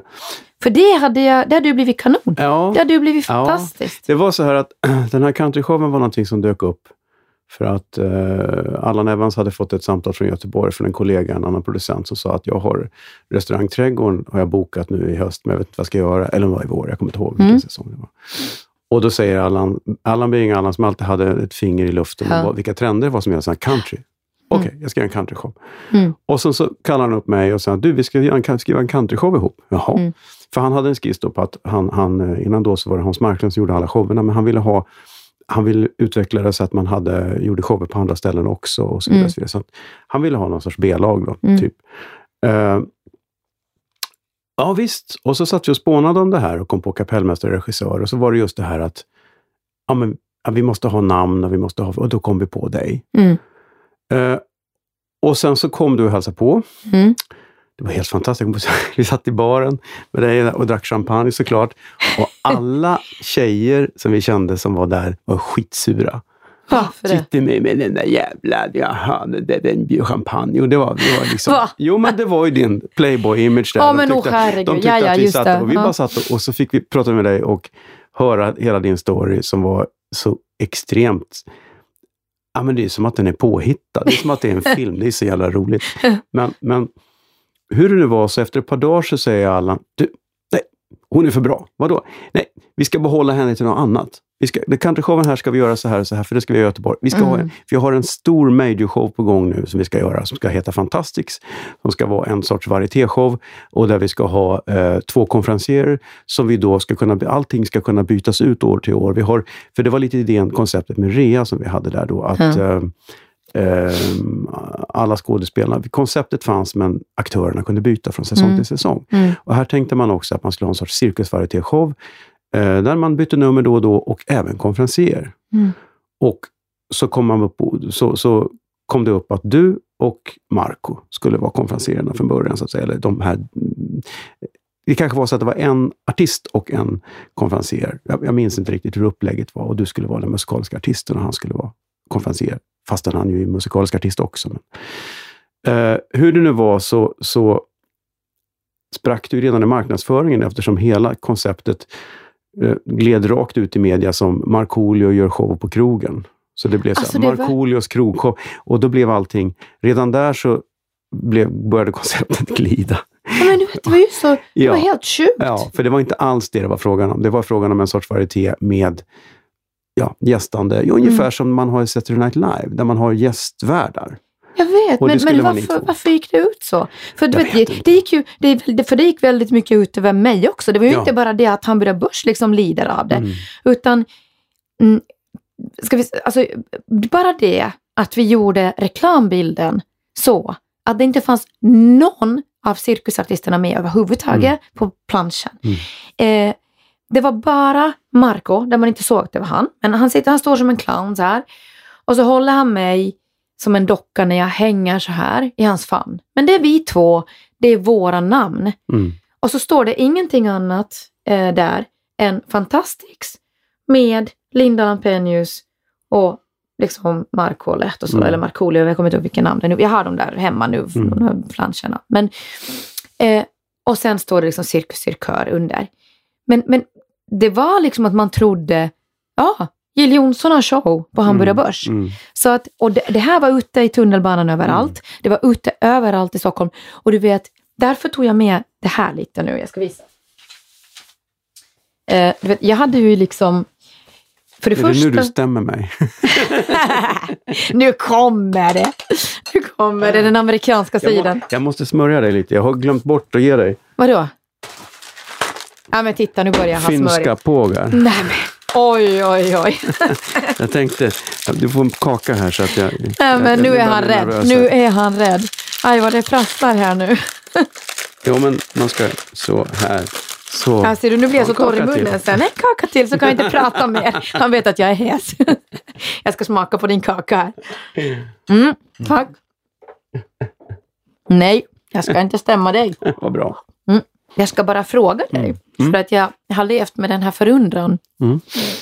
Sen är det en annan sak att du är ju fortfarande anställd av Hamburger Börs. Eller Nej, ja, att jag nej. inte vet liksom hur det funkar och vad du kan säga. Men Det är jag inte. Jag, jag eh, har inte varit anställd där på flera år. Jag frilansar. Dessutom är det idag ett helt annat företag. Det är uppköpt och så vidare. Det var ett familjeföretag på den tiden. ja, Nu är det, ingår det i To Entertain-koncernen, så att säga. ja. Så, nej, mm. Mm. så jag har inga... Ja, nej. Nej, okej. då så. Då är, det, då är det peace. Nej, men ja. Eh, varför jag har med de här lapparna här. Mm. Alla de här, vi har alla repetitionsscheman, vi Mm. har allting. Jag har alla texter som skickades till mig. Oj, så hade jag en lapp från skatt, eh, till skatteförvaltningen också. Det kom i misstag. Den skulle inte vara med. Den slänger vi. den slänger vi, ja. Absolut. Nej, det här är ingenting farligt nu. Nej, nej, jag det är ingenting inte- jag farligt, utan det är bara... Nej, det var lite roligt. Vill veta. Ehm, Det hade varit en bra vändning. Men om man börjar liksom med det att Mm. jag är först uppväxt i teaterfamilj. Mm. Så jag och pappa var regissör som var extremt noggrann. Han hade liksom alltid helhetsbilden av allting. Han gjorde till och med eh, scenografin, allting liksom till. Så jag, är, jag vet hur man sätter upp saker och ting och hur det funkar. Hur mycket man måste öva, hur många månader man egentligen brukar, eller veckor åtminstone, man brukar repetera inför en sån här show. Sen hade jag då jobbat just i USA med det här som vi pratade om innan med Baywatch och Mm. visste hur noggrant allting är, hur mycket man måste förbereda sig inför saker. Och jag hade ju gjort Andrew Lloyd Webber också. Mm. Så då, när, vi, när det här började, då tänkte jag, här ser du hur jag har eh, bokat in, i min, det här är min kalender som Mm. jag hade liksom bara skrivit upp då. Ända från, ser du, Sjunde, åttonde. 7 augusti, året innan showen gick, har jag bokat upp, ser du, att jag finns Ja, ledig just det. Just det. för Fantastics. Mm. Jag strök, du vet, Du har allt. rensat almanackan. Det är bara fantastiskt. Ja. Ja. jag hade rensat allt, Mm. för jag trodde att det här görs. Vi kommer repa så mycket, vi kommer göra precis Mm. som man gör annars. Så att liksom, jag fanns tillgänglig. Mm. Ser Mm. du? Ja. Ser du hur mycket jag månader. finns tillgänglig? ja, ja. Allting hade jag rensat i min kalender för att jag ska kunna öva. Så jag flyttade till Sverige till och med. Jo, varför jag visar dig det Mm. här är att sen, du vet, jag börjar ju bli mer och mer nervös. För, för, det, för, för det första så förstod jag att, eh, oj, nej men jag har ingen aning om vad jag ska göra i den här showen. Vad händer? Vad är det för show jag är med i?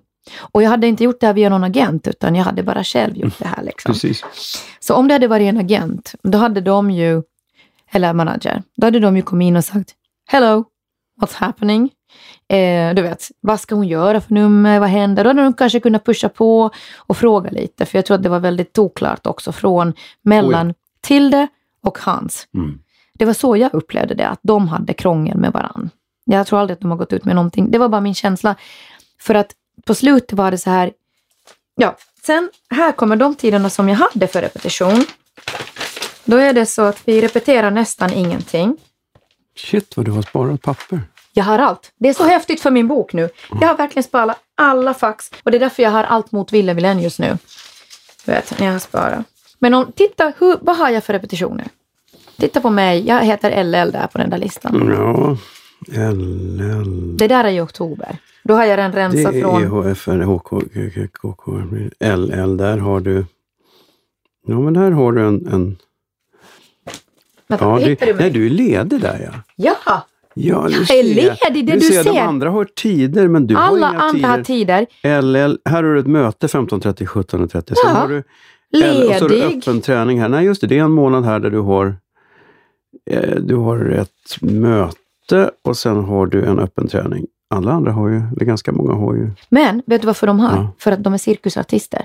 Så de tränar på sina cirkusnummer. Mm. Men problemet var ju det att jag trodde att vi skulle sen, när det är panik, Mm. när vi har 16 i 12 och vi ska ha premiär i början på året. Mm. Just det. Eh, då börjar vi ha så här, du vet, rep på börsen alla. Eh, rep Mm. i Alby alla. Mm. Men det var ju det att vi gjorde de här hela numren Mm. igenom och skulle vara på Mm. plats. Jag trodde att vi skulle göra roliga sketcher mellan Mark och mig. Att vi skulle skämta om skillnaderna mellan finnar och finlandssvenska, för han är finne Mm. och jag är finlandssvensk.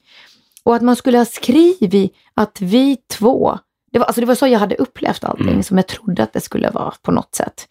Så att enda grejerna som och sen om man pratar om, ja men varför gjorde man inte repliker? Då kanske kom, någon kommer in och säga, nej men de kanske inte, Linda kanske inte eh, klarar av det. Gud vet vad folk säger. Bullshit. Jag har inte haft en enda repetition. Jag har inte fått träffa en regissör. Jag har inte fått sitta ner med någon en enda gång.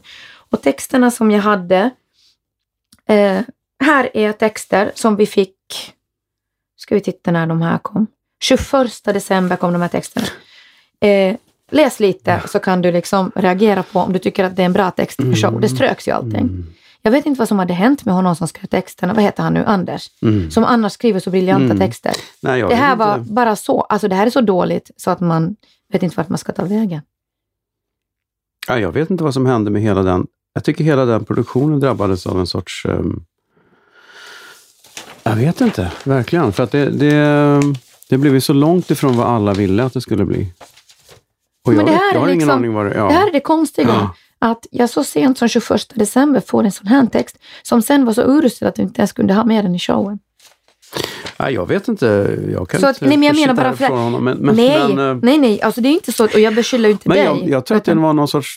Det måste ha uppstått någon sorts allmän kaos. Man hade en vision av något och sen uppstod en sorts jag vet inte, produktionskaos på alla fronter när man, när man har det skulle göras cirkusnummer, det skulle göras sketcher, det skulle göras, och det fanns ju kanske inget grundmanus från start egentligen, där man kanske skulle ha börjat. Jag vet inte. Jo. Det, det var ju bara... Men alltså ja. det som jag fick höra på Ja. slutet, för det, var- det, alltså det, det tragiska var det att jag hade så, ehm, alltså jag hade bulimi då och jag Mm. var väldigt sjuk, mådde jättedåligt.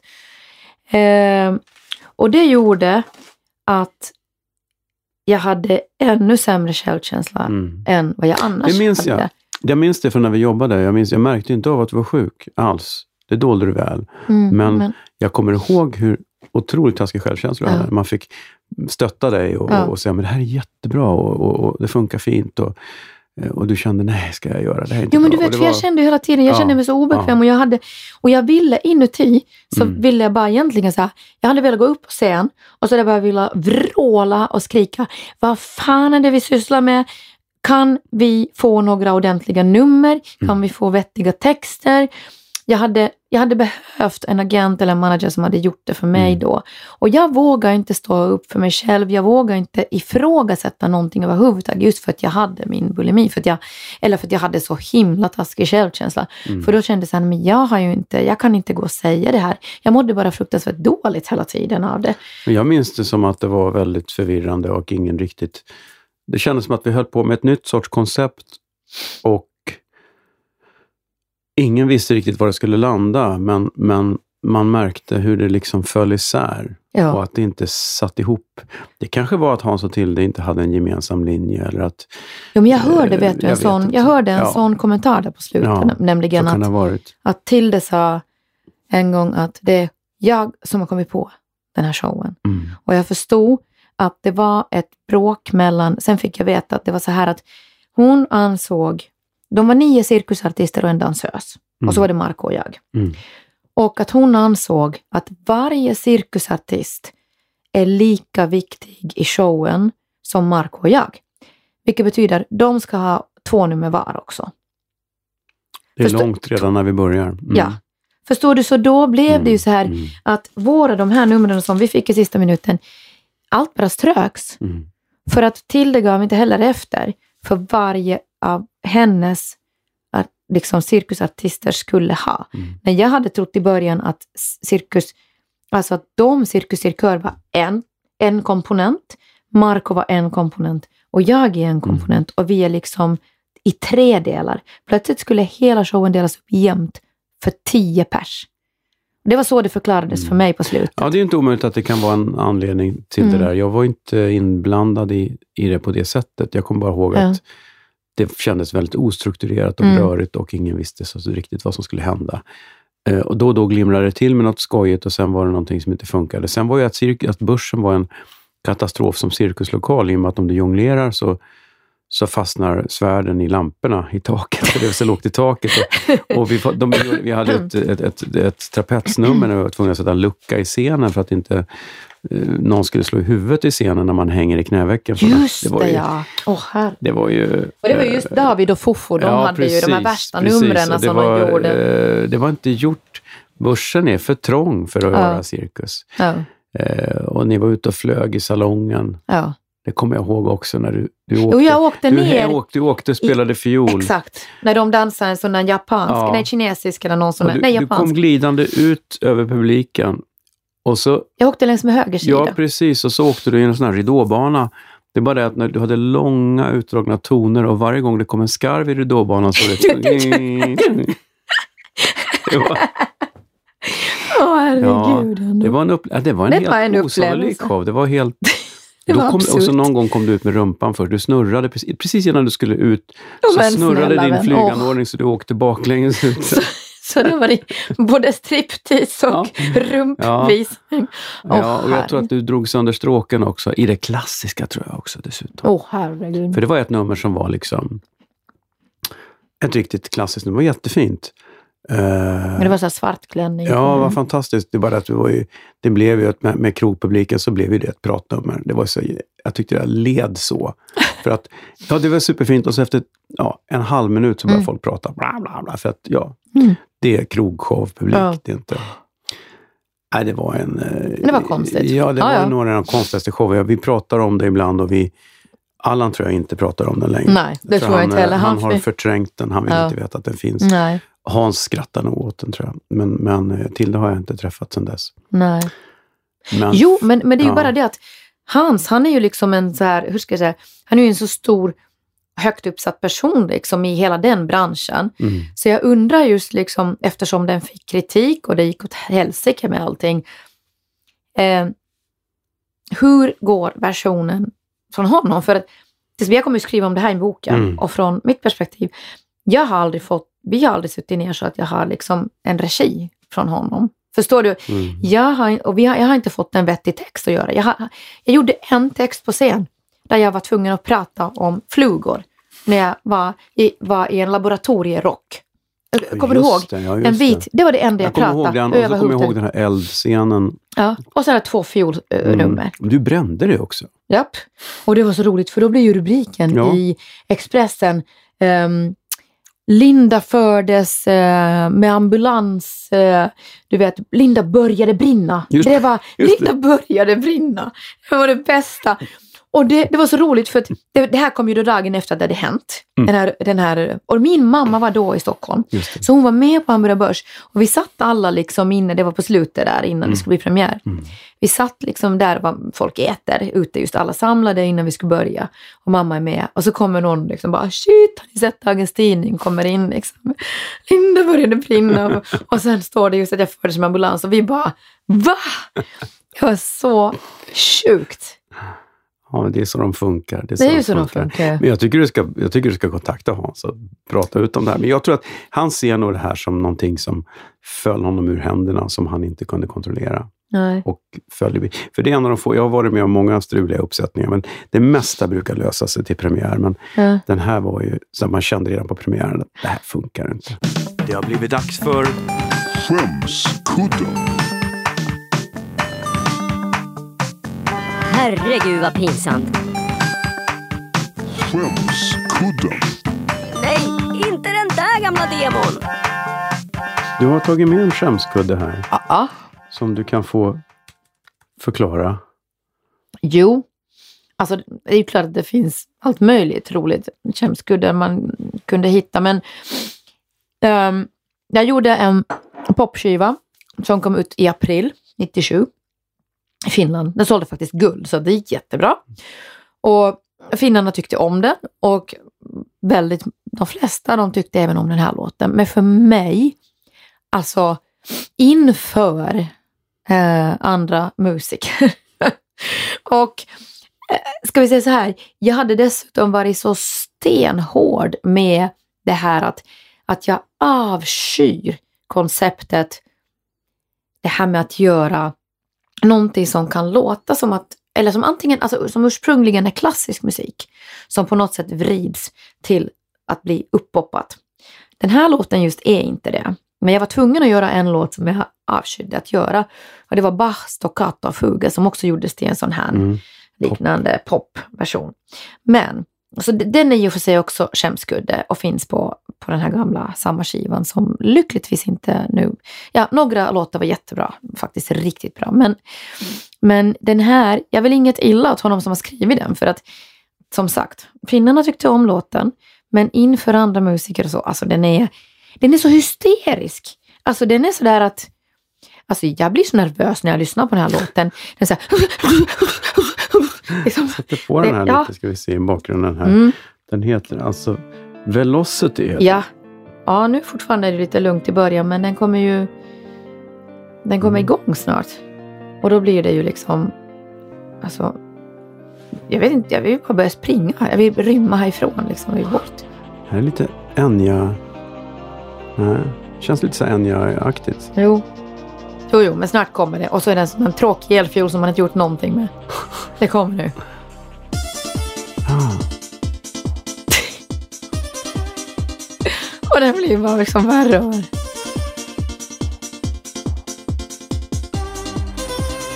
Det här var sån musik Ja. som jag så aldrig skulle göra.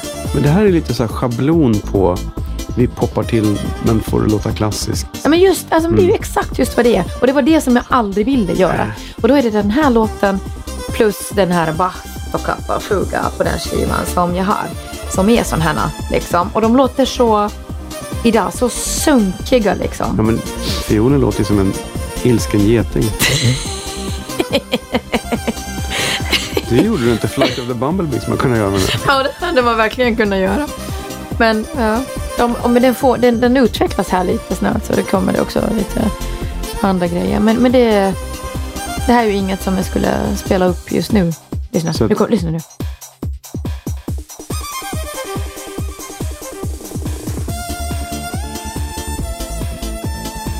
Så det är ingen idé att komma med någon request på konserterna. Velocity! Nej, då får de med stråken. Men jag, fått, jag tänker på liksom Vangelis på speed. ja, men exakt, exakt. På speed. Det är ju det. Det är det som är det värsta med den här. Alltså för det Men var... du gjorde bara en sån skiva. Ja, men, men det här, det var ju det hemska det fanns de här två låtarna Ja. där som var annorlunda, alltså Ja. som var sån här. Sen gjorde han, alltså det han som skrev, Ja. här, eh, nej det var en annan kille som skrev den här, men han som skrev de här som var bra låtar Ja. på den här skivan, han, alltså de, de är lysande. Och det var, det var de, en av de låtarna, en sån som jag fortfarande att folk vill att jag ska spela. En långsam, den är lite Ja. mer åt R&B liksom. Ett helt Ja. annat popballad som heter Aquamarin. Och det är den som är min kärleksscen i Baywatch. Så att om man söker upp det just på Youtube och ser den här liksom kärleksscenen, Ja. som nu då Ja. inte med Hasselhoff, utan jag gjorde den sen med en, en yngre kille. Det är sant, det, ble, det blev så att det blev med en yngre kille i showen. Nej. Eh, det var en som hette David Chokachi. Eh, Han hette Cody i storyn. Mm. okej. Och de istället så blev det så att Cody och Mitch, alltså Hasselhoff, de, de bråkade lite hela tiden sinsemellan för de var båda kära i mig. Så. Bastusnack. Har du landat nu här? Är du, nu bor du här och har familj. Och Mm. är det här... Jag har faktiskt planer på att fly annanstans. Det är så? Men det kan jag inte riktigt kanske Aha. prata om här i podden nu. Men det, det är en, en dröm som jag håller på och Ja. kollar om det ska gå igenom. Men har du något rastlöst i dig? Ja, Att du inte väldigt. riktigt kan? Jag har alltid varit det. Jag, och just det här med att jag sa att jag inte ens hade tid. Jag hade inte tid att reflektera över eller ens glädjas åt mina grejer. För den grejen som var en av de här, om jag ska räkna upp liksom de största sakerna som jag känner i mitt liv liksom, som, som man har kunnat göra, det var nog faktiskt när Andrew Lloyd Webber personligen då vill ha mig Mm. med i hans produktion. Mm. Och så att hans assistent ringde oss liksom i, i eh, LA och frågade och bad mig komma dit och göra den här saken. Uh, ja, jag blir helt paff. Det här var, vad kan det ha varit? April, maj 97. Jag hade precis flyttat till LA. Mm. alla grejerna dit. Men det är ju ännu en sån här gång som telefonen ringer och man tror att de skämtar. Ja, eller ni ringer dem. Mm, Jag tror att ni mm, skämtar. Ja, det är helt, alltså, man blir ju ja, man blir så ställd liksom. Bara, va? Och sen, ehm, jo, men när jag kom när jag skulle åka dit sen och jag började repetera på det där, vad han hade skickat till mig, och så hade han skickat C-kassett. Jag Mm. har den hemma fortfarande. Ehm, och noterna. Mm. Så, så var det liksom, alltså det var en symfoni i tre delar. Mm. Och jag var solisten i det. Och sen var det i varje del så var det inskrivet liksom på flera ställen så här, kadens. Så var det så långa partier att det är tomt. Mm. Och då var det, det fanns ingen musik utan då sa han bara så här, Åh, eh, du får spela vad du vill. Så jag var tvungen att skriva det, för det fanns inte. Det fanns skrivet bara, liksom, de hade kommit på grundtema, liksom, du vet, i varje eh, sats. Som de sen hade liksom i början och i slutet. Så var det en, en lång kadens. Som tyckte bara, nej men då får du börja improvisera. Så jag var ju tvungen att börja skriva musik. Så jag gjorde själv, skrev kadenserna. Mhm. Men det har aldrig kommit ut, alltså då, Nej. någonsin, att jag skulle ha skrivit någonting av det. Du fick ingen cred för den alltså? Nej. Jag tror att jag, på min, på min hemsida, så tror jag det finns, när jag berättar om Mm. Metal Philharmonic, så Mm. står det bådas Mm. Mm. Mm. namn som hade skrivit det. Just då hade jag två skivkontrakt. Jättestora skivkontrakt som jag inte hade skrivit på än. Mm. Men det, var, det ena kom från EMI. Eh, och då var det alltså EMI. Och det andra var eh, Decca Polygram eh, och Polydor. Mm. Eh, hans bolag var ju Polydor, så det låg under Polygram. Det är säkert så att alla är olika, nu får alla blivit uppköpta hit och dit Mm. och sådär. Men eh, min, nu säger jag igen idiotmanager, jag har sagt det så många gånger USA. Han ansåg att jag skulle signa med, med EMI istället. Jaha. För att han hade förhandlat med dem så att förskottet blev större. Jag fick 500 000 dollar förskott. Wow. Och det var fyra skivors kontrakt plus tre optioner från EMI. Och förskottet var kanske 300 000 Mm. på det här andra som var, eh, på den tiden var det ju stora skivkontrakt Mm. liksom, Mm. som var Polygram och Decca. Så, men ja, för mig som musiker var det ju helt självklart att jag skriver på ett kontrakt i så fall med Decca för klassiska skivor och ha Polygram som pop, för de ville att jag skulle, båda ville att jag Mm. gör både pop och klassiskt. För då kunde jag någon vecka senare spela in för Andrew Lloyd Webber. Han är en av världens största namn, vilket direkt betyder att man har lättare, du vet, man kan Såklart. sälja var som helst. Såklart. Så jag blev fullständigt paff. Jag gick vidare med det här allting. Han skickade noterna till mig för det som jag skulle skri- eh, spela in. De Mm. har jag också Mm. hemma. Det är, han hade skrivit eh, 23 eh, variationer på Paganinis Caprice nummer 24. Och hans bror Mm. Julian Webber, Mm. han hade spelat in den. För att när den skulle spelas in ursprungligen, den var skriven då för, för fiol, eh, så hade han inte hittat någon violinist som han tyckte att var cool för den. Som kunde göra den både klassiskt och samtidigt ha en liten rockig touch på den som den hade. Liksom. Eh, och nu sa han då att jag skulle göra det. Jag hade noterna hemma, övar och allting. Och så kommer den här min manager och säger nej, det blir inget kontrakt med dem. Förstår du hur Andrew Lloyd Webber flippar då? Att någon tackar nej till att spela in. Så det det var två aldrig veckor till inspelning. Det blev aldrig något.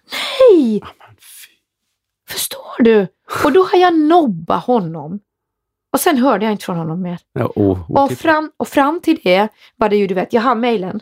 Eh, inte mejlen, förlåt, faxen. Han skriver till mig Your show was knockout, you're fantastic, bla bla bla, bla bla bla bla bla. Och vi ser så fram emot det här. Inspelningarna börjar om två veckor. Och sen bara, Ja, jag förstår honom lite. Vad, är det för, men- vad fan hände här? Ja. Ja. Men just det att den här managern som från början hade gått in för att lura mig, Mm. när han kunde få 200 000 dollar mer, på, för, för han tog ju Mm. då mina förskott Mm. och han visste att han kommer aldrig betala vidare dem till mig. Sen stämde jag dem. efter allt det här. Eh, Eller det hade gått ett år. Då hade jag inte fått någonting. Eh, men då hade de ju gått i konkurs och de fanns ju inte längre och det visade sig att deras kontor var fake.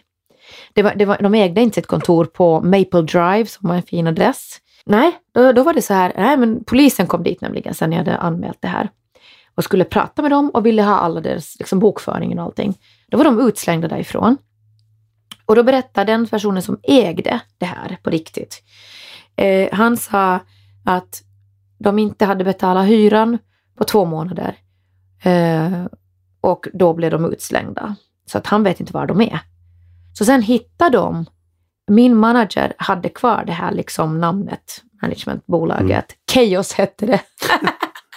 Jag borde ha förstått från början att hej, en liten varningsklocka. Vi är vad vi heter. Chaos Group. och det var det jag precis hade hållit på med då när vi träffades inför Hamburgerbörs och mådde skit. Jag hade inga pengar. Mm. Men det, du står ju upp. Jo, det har gått bra sen men Bastusnack. Jag har ju hört din fiol flera gånger. Ja. eh, Men det starkaste intrycket, det var när en gemensam vän till oss, din mans syster faktiskt, Mm. fyllde 50. Då, då spelade du hemma i, i, i vardagsrummet. Mm. Plötsligt så förstod jag, men den här klangen. Mm. För att jag har ju bara hört den mikrofonförstärkt. ja. Eh, och, och det låter jättefint. Och så, men så ofta så, så tänker man, ja, en fiol är en fiol. Inte Ja. riktigt så, Ja. men dock. Mm. Men när man står i det här rummet och hör den akustiskt i Mm. samma rum, då förstod jag plötsligt vet vad du det vad är som är jag grejen var med de här fiolerna. Alltså jag var så nervös så jag nästan, alltså jag började skaka. Jag var ju- inne i deras bara sovrum där bakom. Men vet du varför jag skakade? För att du var där och jag hade druckit alkohol. För jag spelar aldrig om jag dricker alkohol. För man tappar Ah, ja. känslan i Men det var ju fingrarna. bara vänner. Var Men ändå, Ja, ja. Jag, liksom, du vet, för just för att jag är perfektionist och jag visste att Mm. det kan hända att jag inte har den där jäkla tiondels eller hundradels Mm. kontrollen för fingrarna som behövs. Men det lät fantastiskt. Jag, jag kände just, och du spelar ju fantastiskt. Det Den har, en, roligt. den har Vilken i sig klang. ja, den har sån Men det är ju så att det- roligt att det krävs. Men så kan man tänka, ja, men det är så de är byggda. De är byggda för att lyssnas på på det Precis, sättet. preskillnad. Inte i en stor Nej. anläggning. eh, Ja. Jag kan tänka mig att den, jag har inte hört den i ett konserthus. Vet du, det det är borde där du- den måste låta. Ja, jag åkte, jag åkte runt här med en, som solist med en orkester från Wien Ja. eh, och, i Skandinavien. Liksom. Och, alltså det är så otroligt. Jag hörde, det finns på Youtube igen. Mm. Om man går in och så sätter man, man hittar inte liksom så här om man söker på Linda Lampenius, det är ju typiskt, då kommer det bara skita upp. Men alla mina klassiska grejer, till exempel när jag spelar som solist med olika Ja, symfoniorkestrar och annat, då måste du veta exakt vilken symfoniorkester du lägger in det sökordet, då kommer de upp. Så att om man skriver till exempel Linda Lampenius och så skriver man Schönbrunn, Men vet du, vi lägger lite länkar på Facebook, på Bastusnacks Men Facebook-sida. gud, så bara kan till de folk- klassiska. Ja, precis. Så kan för folk ingen hitta rätt. hittar dem. De Precis. hittar ju bara deras Vi lägger det strax under länken till Baywatch. Åh, Åh, vad du är underbar. Bastusnack. Men det känns som att Mm. du ändå mm, mår mycket bättre idag än när vi jobbade. Åh herregud. Ja. Och det liksom, alltså, det var ju min man, tack vare Mm. Martin, Mm. som jag träffade 11 år sedan. Mm. Eh, när vi träffades så började han direkt eh, genast hjälpa mig med mina ätstörningar. Och så tog det ett och ett halvt år som han stod ut med det. Liksom att han Mm. visste att jag hade ätstörningar när vi träffades och jag var väldigt då, i dåligt skick då. Mm. Och så hjälpte han mig och sen när jag var i helt frisk efter det och efter att jag blev frisk så lyckades jag dessutom, jag var gammal alltså på det stället ändå att lyckades bli gravid. För de, jag hade Mm. haft ätstörningar i 23 år, alla olika slags ätstörningar. Så det sades till mig att ah, men du ska veta att du kan antagligen aldrig få barn. För att det kommer det här med åldern Mm. och sen ätstörningarna. Och oddsen är liksom väldigt dåliga. Eh, hej. Så fick jag första barnet natten när jag fyllde 39. Och sen nästa barn var jag nästan 43. Mm. Så ja, jag är Kul. lycklig. Grattis, härligt. Tack. Men du, är som den uh, finlandssvenska finne du är, Ja. Vågar du hoppa i isvaken som jag har hackat upp här ute? Eller är du en sån här mjukis-svensk? Nej, vet du vad? Jag, jag brukar sluta duschen, alltså duscha med kallt. Ja, Men vet du vad? Nu kan jag faktiskt inte göra det för nu har jag haft lunginflammation och nu är jag... okej. Du hör okej. på mig. Jag vill inte ha det på mitt samvete. Jag vill inte ha Jag advokat, advokat Kullberg i telefonen här. Tack snälla Linda för att du kom hit. tack så jättemycket. Ja. Nu ska jag piska dig. Tack. Oh. Bastusnack. Tack Linda. Jag har fortfarande röda märken kvar på ryggen. När vi talade om Hefner så nämnde hon att alla hans vänner var gamaler. För er som inte är så bevandrade i finsk slang så kan jag berätta att det betyder gamlingar. Så nu vet ni det. Och tack så mycket till vår sponsor Tylö Bastu. Gå in på tylö.se och shoppa loss på lite bastumössor och bastukiltar. Ja, allt ni kan behöva för att basta som ett proffs hittar ni där. Surfa in på tylö.se och kolla själva. Vi hörs igen nästa vecka med en ny spännande gäst. Till dess, basta försiktigt!